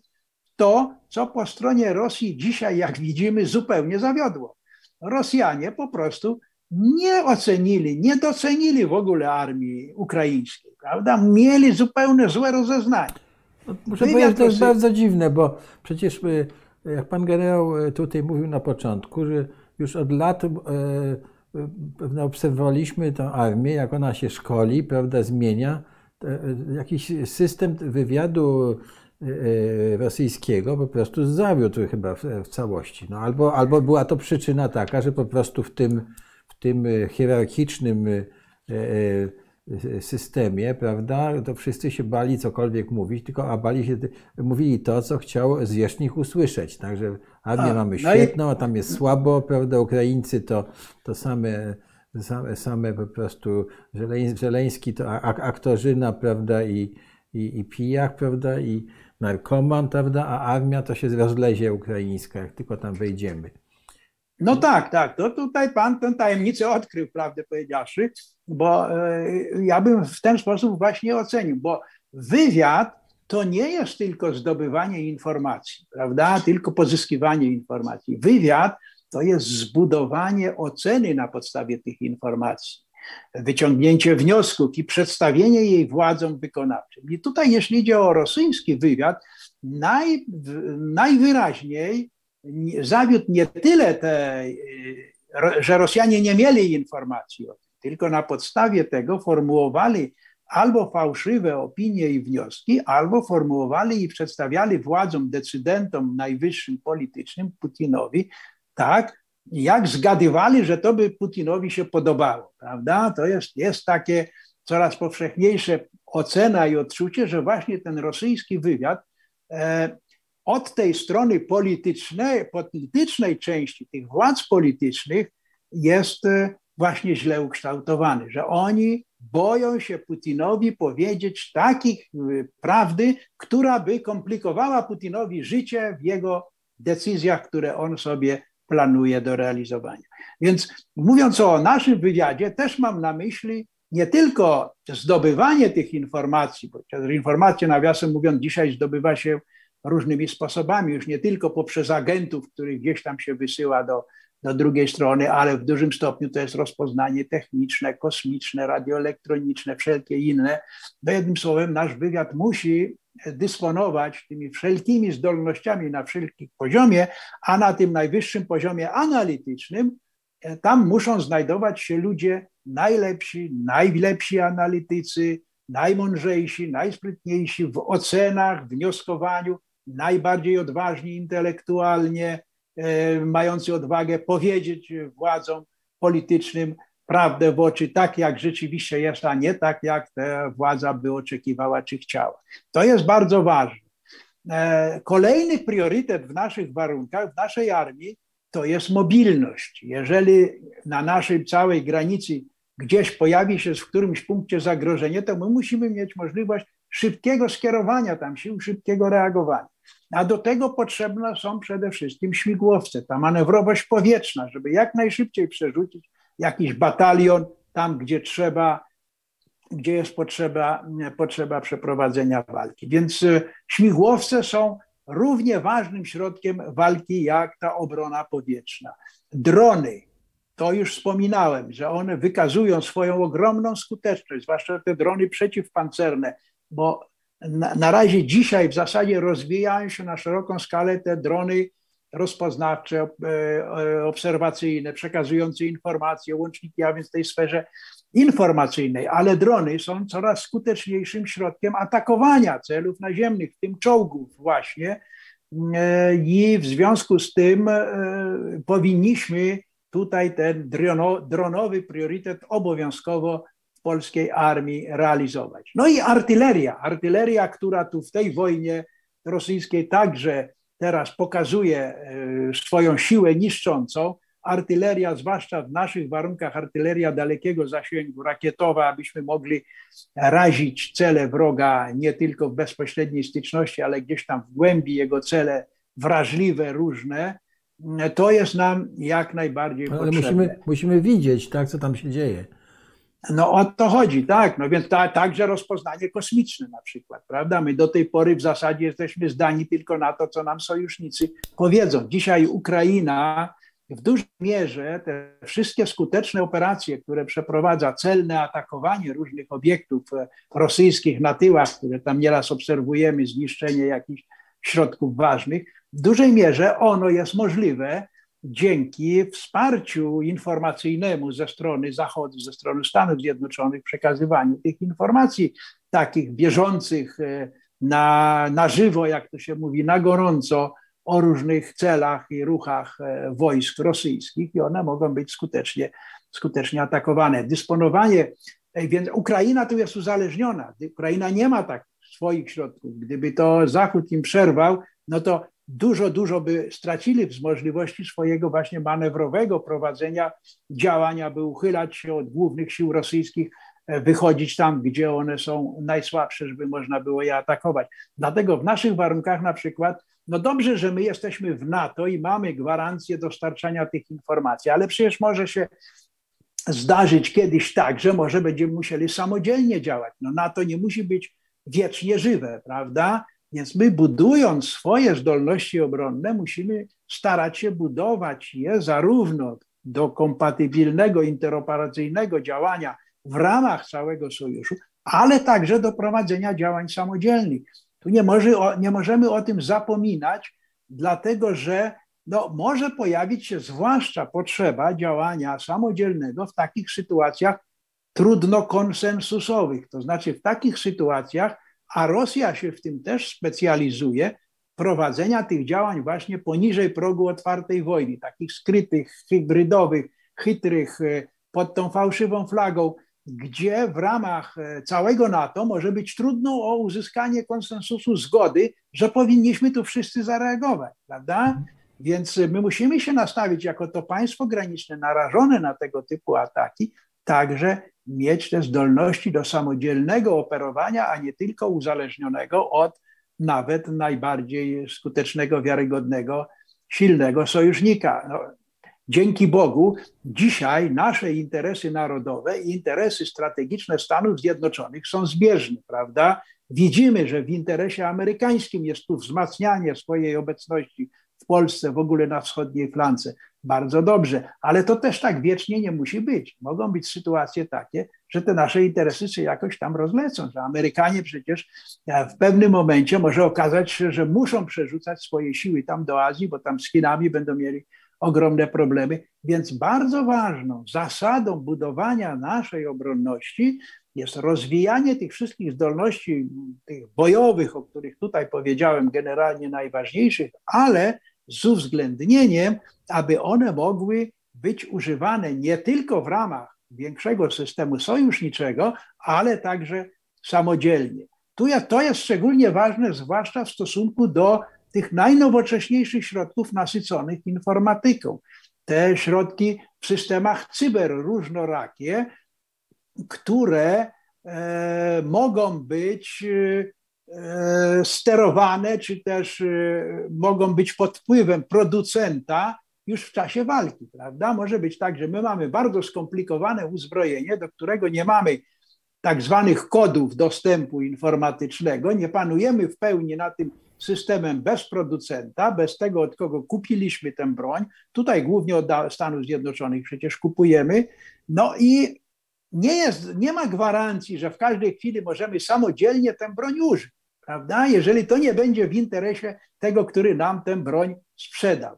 Dlatego ważne jest kupując broń, no tutaj nawiasem mówiąc, za dużo kupujemy broni już gotowej, gotowców od zagranicy, za mało kładziemy uwagę, zwracamy uwagę na produkcję, na nowocześnienie naszego przemysłu obronnego, żebyśmy my mogli jak najwięcej tej nowoczesnej broni sami produkować albo w kooperacji z innymi producentami, żebyśmy byli współwłaścicielami tej broni, to wówczas mamy wpływ, pełne gwarancje panowania nad użyciem tej broni. Jeżeli nie, mamy kupione tylko gotowce innego państwa, no to nie mamy tych stuprocentowej gwarancji, że w każdej sytuacji, niezależnie kiedy byśmy chcieli, będziemy być może mogli taką skomplikowaną broń użyć. To jest bardzo ważna zasada rozwoju perspektywicznego, długofalowego, myśląc nie w perspektywie kilku lat, ale w perspektywie 10-20 lat,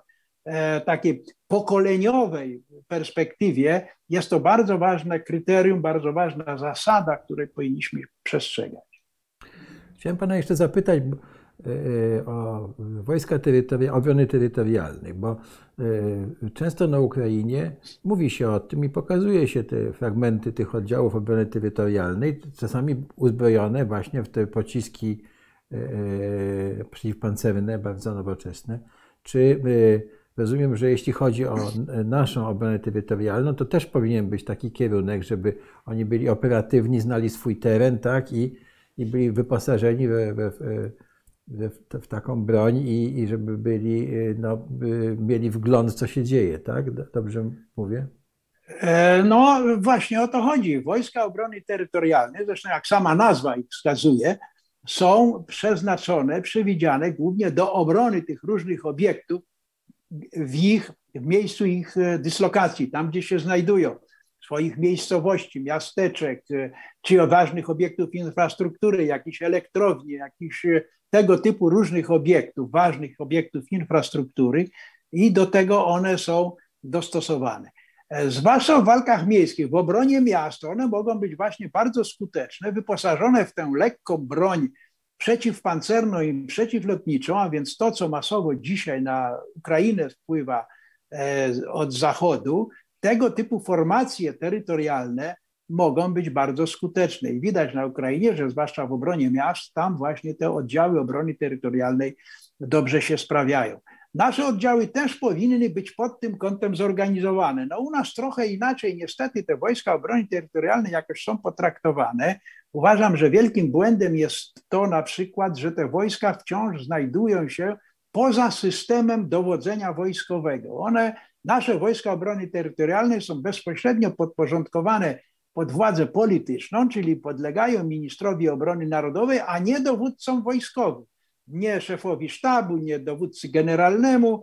I y, jest pewne ryzyko, że gdyby była wojna i te y, wojska obrony terytorialnej byłyby oddzielnie kierowane niż wojska operacyjne, no to nie byłoby to najlepsze rozwiązanie, prawda? No dwóch wojen E, w ramach e, jednej wojny obronnej raczej e, nie wypada prowadzić. Dlatego ja uważam, że jest bardzo ważne, aby jak najszybciej nasze wojska obrony terytorialnej zostały podporządkowane dowódcy generalnemu, aby znalazły mhm. się w systemie dowodzenia wojskowego i były używane do obrony tych swoich miejscowości. Niestety też trochę tak muszę powiedzieć, trochę krytycznie, niepotrzebnie w ramach tych, tego kryzysu, tu mieliśmy ten kryzys nad granicą białoruską, niepotrzebnie oddziały obrony terytorialnej tam gdzieś z zachodu, z Poznania, e, spod Szczecina, przerzucane są na, do działania tutaj na granicy.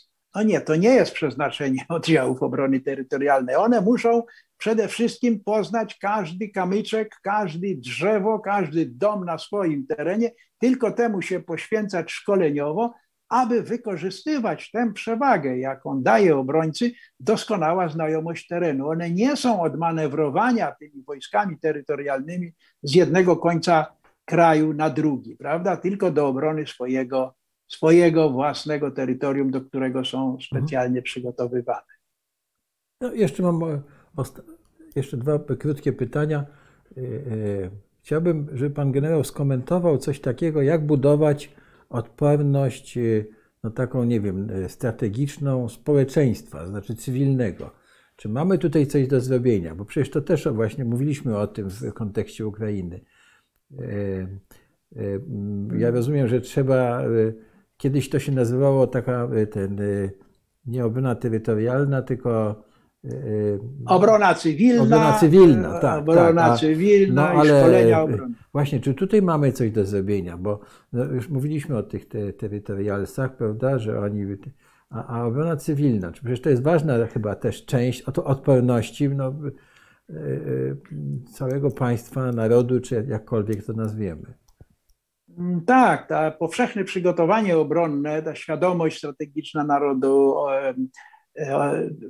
jakby odporność e, obronna jest bardzo ważna i ona ma oczywiście wiele wątków. Ja myślę, że tu dwa warto podkreślić, mhm. dwa wymiary. Jeden to jest ten problem obrony cywilnej, o którym Pan wspomniał, e, a mianowicie przygotowanie formacji do ratowania, do ratownictwa w czasie wojny. Dzisiaj niestety e, to zadanie jest traktowane po macoszemu. Od wielu, wielu zresztą lat nie udawało się Ministerstwu Spraw Wewnętrznych przygotować ustawy, która by, e, no prawdę powiedziawszy, tworzyła obronę cywilną, bo u nas na papierze ta obrona cywilna jakaś tam istnieje, ale w praktyce to jej prawie nie ma. Zadania te są wykonywane przez Straż Pożarną e, i to jest jakby niedokończona w ogóle sprawa z tą obroną cywilną. Nawiasem mówiąc, to jest jedna ze słabości tej najnowszej ustawy, którą e, obecnie już Sejm nad nią pracuje, ustawy o obronie ojczyzny, która, że ta ustawa w ogóle pomija problem obrony cywilnej. To jest dla mnie zupełnie niezrozumiałe, tym bardziej, że w strategii... Jak patrzymy, jak patrzymy na te zaatakowane e, wioski, miasteczka na Ukrainie, to, to przecież to jest podstawa, no prawda, bo przecież ludzi trzeba, rannych trzeba opatrzyć, trzeba ich gdzieś wywieźć, tak, dać im podstawowy ratunek y, i tak dalej, i tak dalej. No w ogóle dziwne rzeczy pan generał mówi, tak pewne mówią, że nie, nie tylko w ogóle nie uwzględniano, nie, nie uwzględniano no. tam.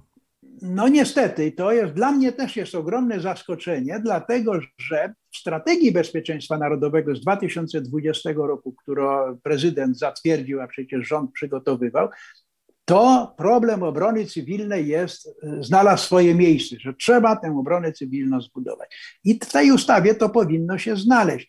E, myślę, że błędnie, że on się może nie znalazł, trochę dlatego, że mm, e, do zadań obrony cywilnej w sposób błędny znowu przygotowywane są tak, tak naprawdę wojska obrony terytorialnej. To jest zupełny błąd, bo to jest po pierwsze niezgodność z konwencjami genewskimi. Obrona cywilna w czasie wojny to nie mogą być żołnierze. Obrona cywilna ma specjalne oznaczenia, jej nie wolno bombardować, tych oddziałów niszczyć, tak jak e, medycy, tak jak służba zdrowia, tak jak e, lekarze na wojnie są pod ochroną specjalną konwencji, tak samo ci, ci funkcjonariusze obrony cywilnej są pod ochroną. To nie mogą tych zadań realizować wojska, które mogą być atakowane, ostrzeliwane, bombardowane, bo one tej ludności cywilnej nie pomogą, tylko ściągają nieszczęścia na tę obronę cywilną, bo, e, bo wróg ich, tych żołnierzy atakuje. To jest jedna sprawa. Druga natomiast sprawa z tego, e, z tej powszechnej obrony państwa, z tej e, odporności państwa, to jest powszechna edukacja obronna, kształtowanie właśnie tej świadomości strategicznej narodu, Polaków, obywateli, wszystkich instytucji państwa. To jest e, e, zarówno ten system edukacji na rzecz bezpieczeństwa w szkołach, szkolnictwie i tak dalej, ale także tego typu działalności, które państwo na przykład prowadzą. E, roz, prowadząc tego typu, kształtując wiadomości, przekazując opinii publicznej, ludziom, wszystkim i tak dalej. Więc taka powszechna, masowa edukacja na rzecz bezpieczeństwa jest w Polsce bardzo potrzebna, aby każdy obywatel miał świadomość tego, jakie są ryzyka, jakie są zagrożenia, miał świadomość tego, że on część tych swoich podatków musi po prostu na bezpieczeństwo swoje, swoich najbliższych i całego państwa świadczyć. Aby tak to się było, aby było wsparcie władzy do podejmowania często nieraz niepopularnych nawet decyzji przeznaczania pieniędzy na obronę, która na co dzień e, e, zwykły szary obywatel e, myśli bardziej o tym, co jest mu potrzebne, służba zdrowia, opieka taka, różna pomoc i tak dalej, i tak dalej. żeby on miał świadomość, że mimo tego wszystkiego także trzeba jednak na tę obronę świadczyć swoje własne wysiłki. Czyli szeroka edukacja na rzecz obronności jest jednym z ważnych e, elementów budowy odporności strategicznej narodu i państwa. Jak pan generał mówi, to mi się przypomniało, prawda, że przecież ten e, wojskowy, mówiąc o Białorusi i tej sytuacji całej, wojsko wysłano przeciwko cywilom. To chyba takich rzeczy się nie powinno e, robić. To jest jedna sprawa. A druga sprawa, jak pan profesor mówił, jak pan e, profesor generał mówił o edukacji, to sobie przypomniałem, że mamy taką edukację, prawda, taką akcję sznurem za mundurem, tak? Ty, prawda, no to, ale e, już teraz na poważnie. Wydaje mi się, że E, niezwykle e, ważnym elementem tej obrony cywilnej mogły być ochotnicze straże pożarne, bo przecież to są e, na ogół drużyny takie, które się szkolą, prawda? Ja sam byłem przez jakiś czas prezesem takiej, działałem w takiej straży pożarnej i to naprawdę jest ogromny potencjał, żeby włączyć tych wszystkich ludzi, prawda, do tego, żeby oni się nauczyli właśnie te, tej obrony cywilnej, czyli ratownictwa, zresztą oni są bardzo chętni do tego. Prawda? Bo oprócz jak się coś zdarzy, to oni muszą odbudować mostek, prawda, żeby ludzie mieli komunikację, tak, zgasić pożar, y, opatrzyć rannych, gdzieś zgromadzić. To, więc y, y, dziwię się, że, że ten, ten potencjał nie jest wykorzystany jak do tej pory.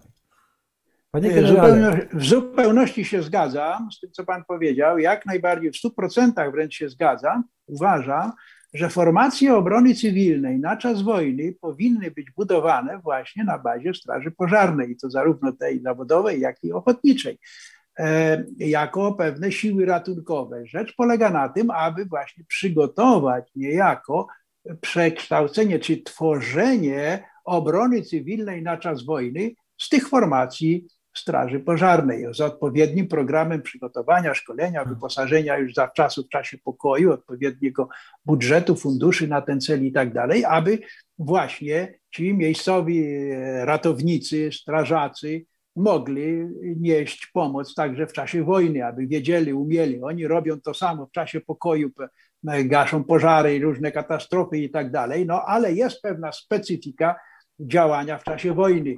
E, wykonywania tych zadań pod ostrzałem w warunkach wojennych. Do tego trzeba się szkolić, przygotowywać. Na tym powinna polegać moim zdaniem w istocie rzeczy właśnie obrona cywilna, przewidywanie e, przekształcania e, o formacji Straży Pożarnej w formację obrony cywilnej na czas wojny. Bardzo dziękuję. Jeszcze na zakończenie chciałem Pana zapytać, czy możemy polecić jakieś, jakąś lekturę na temat armii. No, mamy całą dyskusję, przeprowadził pan Jacek Bartosiak i opracował taką książkę Armia Nowego Wzoru. E, ja słuchałem pana Bartosiaka dwa razy osobiście. No, wydaje mi się, że to jest bardzo inspirująca rzecz, jakkolwiek trudno mi ją ocenić od takiej strony wojskowej, ale czy, czy, czy moglibyśmy jakieś polecić le, lektury oprócz właśnie tej armii nowego wzoru pana Bertosiaka, czy dużej, e, dużej...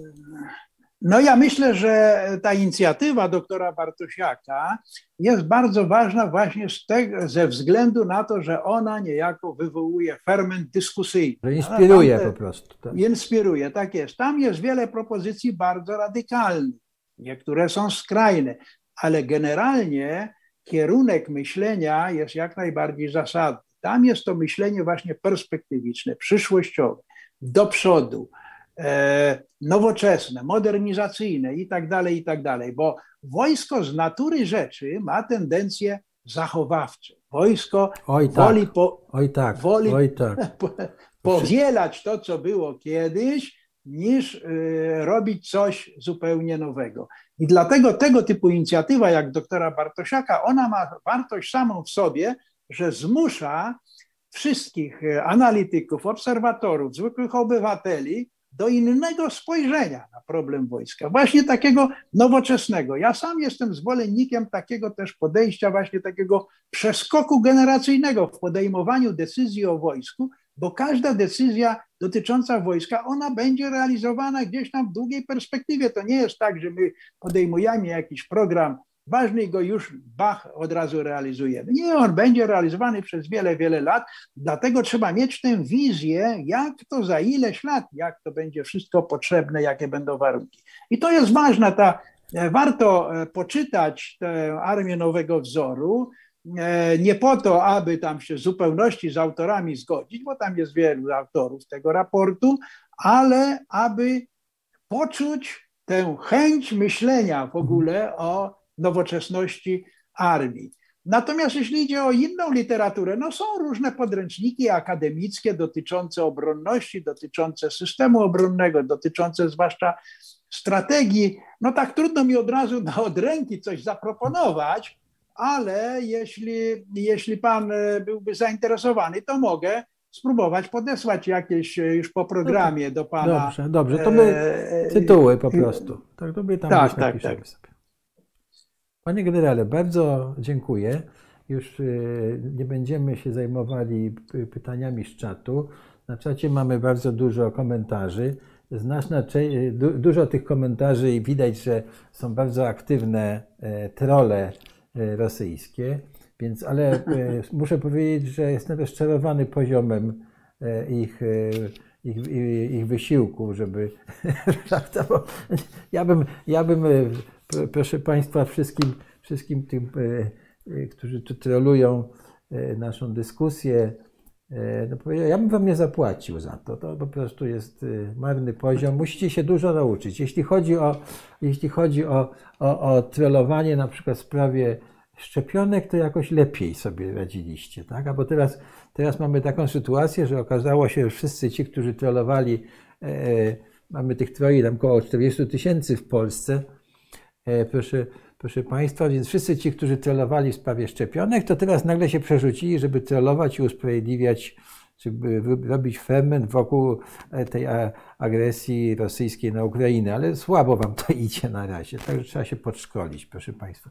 I to jest też e, część odpowiedzialności naszego, żeby sobie zdawać, proszę Państwa, sprawę, że są trole, że ta wojna się toczy także w naszych umysłach, Także nie, nie ulegajmy panice, nie ulegajmy tym wszystkim fałszywym informacjom. Będzie ich bardzo dużo i naprawdę będzie, będzie starał się nasz nieprzyjaciel osłabić nas, nas pod tym względem, by e, wykazywać, prawda, że tutaj prawda, ci uchodźcy to są jakieś niebezpieczeństwo dla nas i tak dalej. To jest bardzo ciekawe wyzwanie, a nie, nie niebezpieczeństwo. Panie generale, bardzo panu dziękuję. Ja muszę powiedzieć, to była bardzo ciekawa rozmowa dla mnie, myślę, że dla osób, które słuchały i wysłuchają również.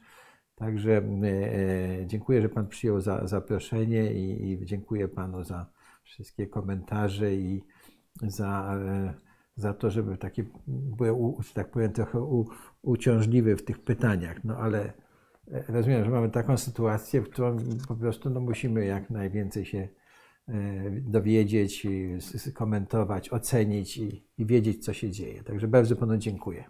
Ja dziękuję również za zaproszenie. Dziękuję. Do widzenia. Do widzenia.